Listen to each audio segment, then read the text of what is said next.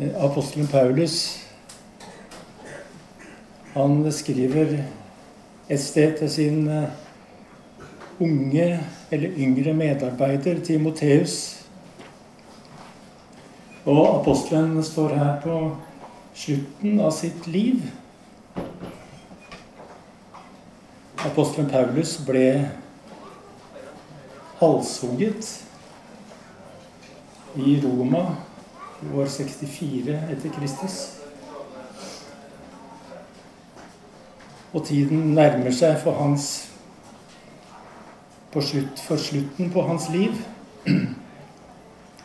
Når han da skriver til eh, Timoteus Jeg har fullført løpet og bevart troen.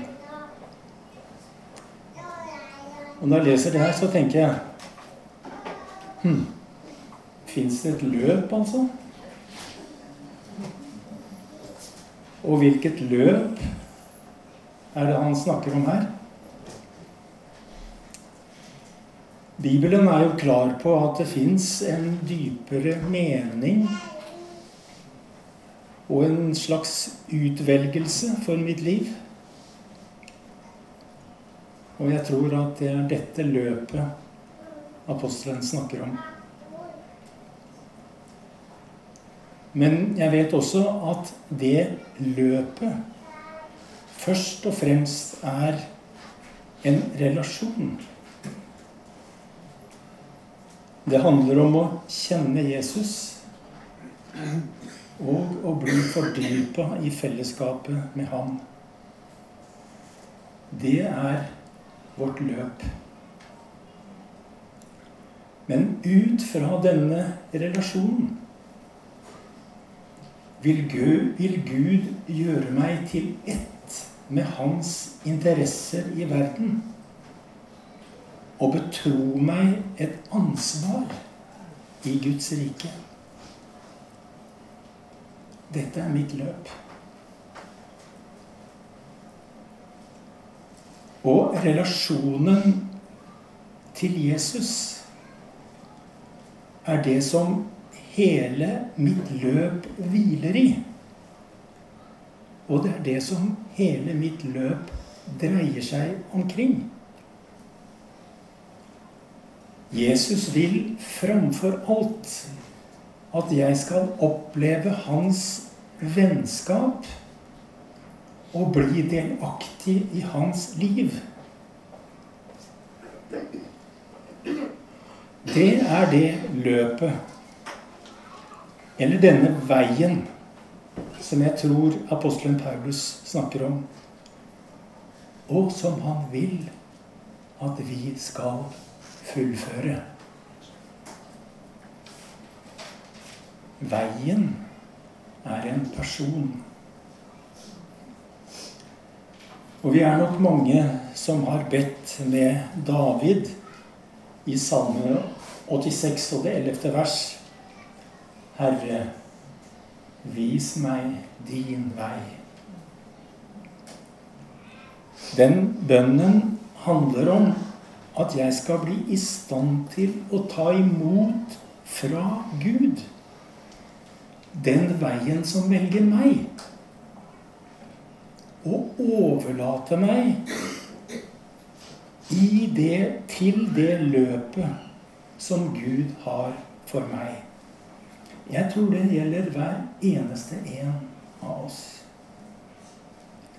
Og dessuten så tror jeg at dette løpet som vi nå snakker om, på en underlig måte korresponderer med en dyp lengsel i oss.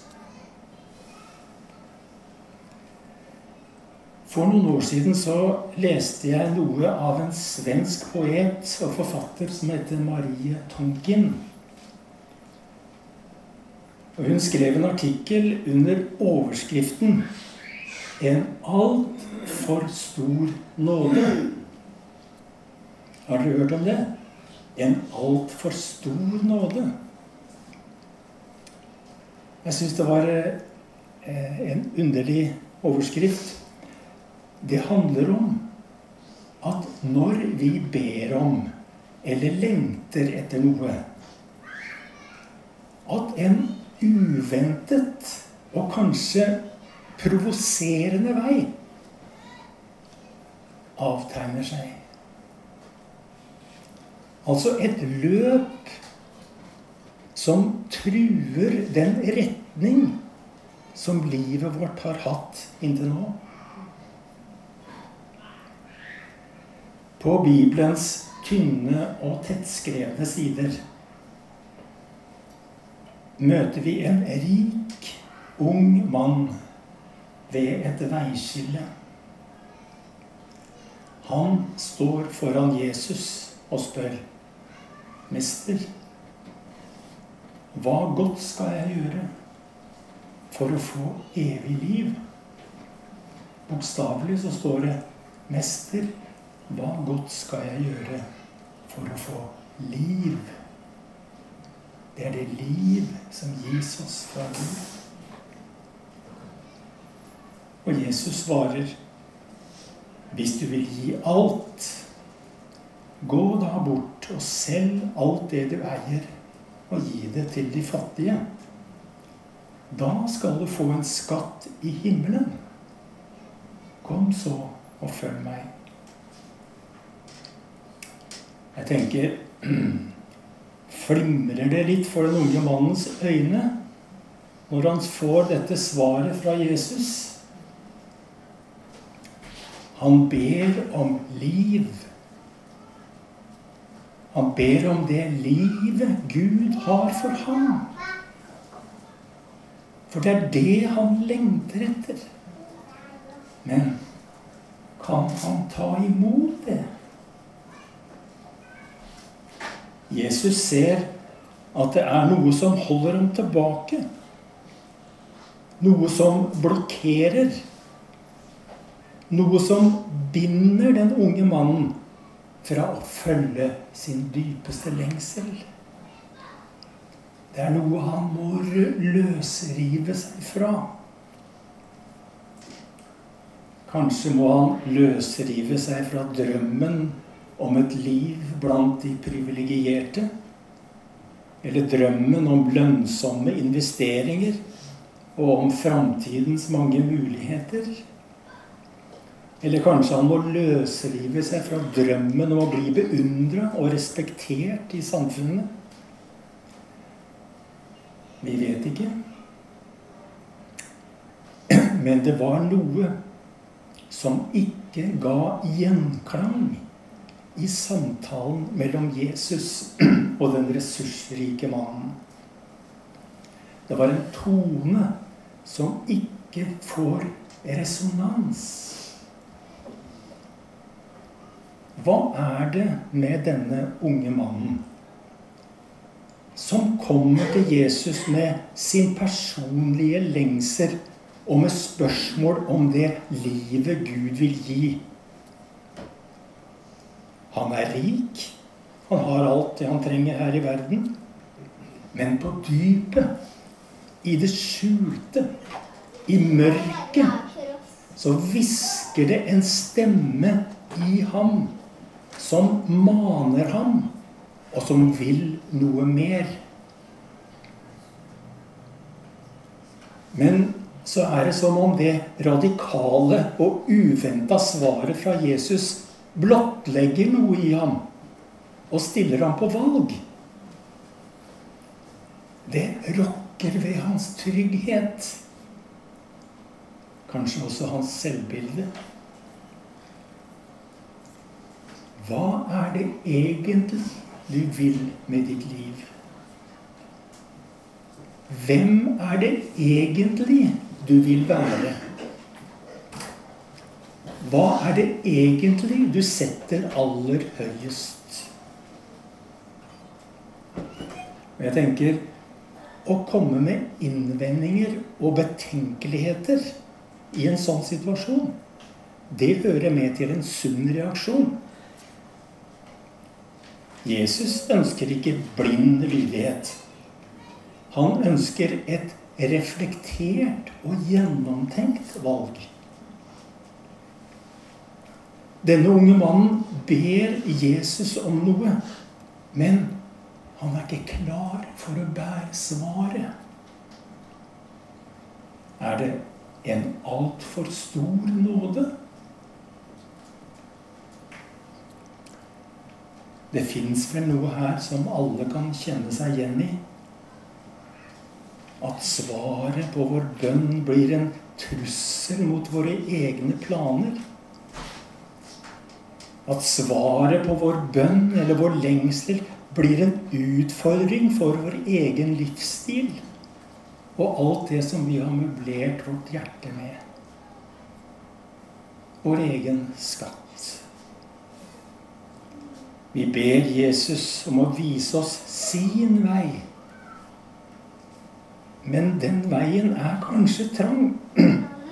Kanskje til og med bare en smal og utydelig sti og vi er bundet fast til vår trygghet, våre forpliktelser og våre framtidsplaner. Det viser seg at denne unge mannen er altfor solid fortøyd i en trygg havn.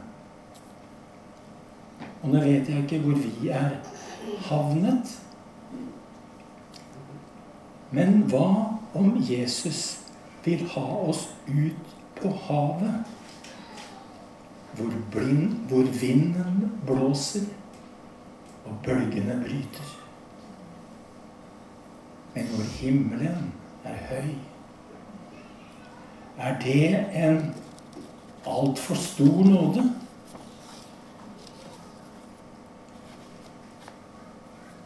Vi må ikke la oss blinde av det denne unge mannen måtte oppgi. For det handler ikke om hva han måtte oppgi. Det handler dypest sett om denne mannens uforløste lengsel. Og om hva som holder denne lengselen tilbake. Og det handler om en relasjon, om hvilken plass jeg gir denne relasjonen i mitt liv. Det handler ikke om hva han skal gjøre. Det handler om hvem han skal følge. Tankene brer seg og blomstrer som bougainville. Når Jesus utfordrer oss. De er nok vakre, men de skjuler og utydeliggjør et kall. Og stjeler oppmerksomheten fra den rike, unge mannens sorg. Bort fra Jesus som vil noe mer med hans liv. Vi forstår naturligvis at dette kallet ikke bare gjelder unge menn, rike unge menn, vel å merke, i Midtøsten for 2000 år siden. Men at Jesus vil noe med oss alle. Med våre ressurser og våre definerte omstendigheter. Det gjelder et løp, dette. Et løp som vi skal fullføre. Bibelen gir ikke noe svar på hvordan det gikk med den rike unge mannen. Bare at han gikk bedrøvet bort for at han eide mye, står det. Det er som om Bibelen overlater til leseren om å fullføre fortellingen. Og jeg tenker kontaktet han Jesus igjen på et seinere tidspunkt? Vi kan vel håpe. Det vi vet, er at denne unge mannen på et tidspunkt sto ansikt til ansikt med Jesus. Ansikt til ansikt med Gud. Forsto han ikke det? Kjente han ham ikke igjen? Så han ikke hvem det var han ba om veiledning. Og det er noe tragisk med deres avskjed. Det skjedde så fort. Kanskje trengte denne unge mannen litt lengre tid på å ta det rette valget. Med bedrøvelse gikk han bort, antagelig med hjertet fullt av motstridende følelser og en ambivalens. Så vender han tilbake til sitt eget liv. Kommer han til en annen beslutning på et senere tidspunkt? Det får vi vel aldri vite. Men de scenarioene som møtes i denne bibelfortellingen, de kommer i konflikt med hverandre. Den unge mannen hadde sine planer som han ville fullføre. Men Jesus byr ham inn i sin plan. Og jeg vet at Guds kjærlighet brytes ikke om vi vender oss bort fra den vei han legger fram for oss. Men fortroligheten brytes. Og det er sårt. Men Gud opphører ikke å søke oss og vente på oss. Og dersom den unge mannen hadde brukt litt mer tid hvis han hadde drøyd litt lenger i det som brant i ham når utfordringen fra Jesus satte hele livet hans på prøve Om han bare hadde våget å ta opp kampen med sitt eget hjerte og bli stående i det Kanskje hans avgjørelse ville blitt en annen. Og hva med oss? Kanskje vi også behøver å søke en mottagelighet som innebærer at vi også er beredt, så langt det går, å ta imot og møte det vi ber om, og som vårt hjerte lengter etter. Selv om det er noe helt annet enn det vi hadde forestilt oss.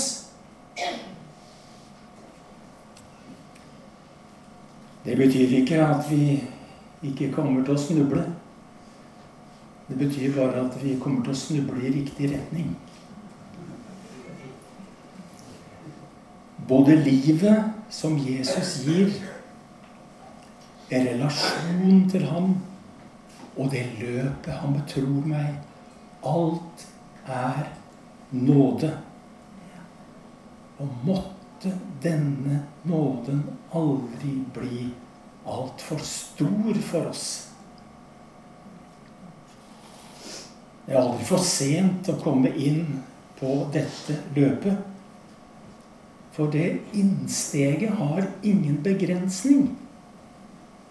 Og det kan skje i dag. Men dette løpet, det varer hele livet. Det varer hele livet. Inntil den dagen kommer da vi kan si som apostelen Paulus Jeg har stridd den gode striden. Fullført løpet. Fullført løpet. Og bevart troen. Nå ligger rettferdighetens seierskrans klar for meg. Og det her det er en altfor stor nåde. Men den er vår.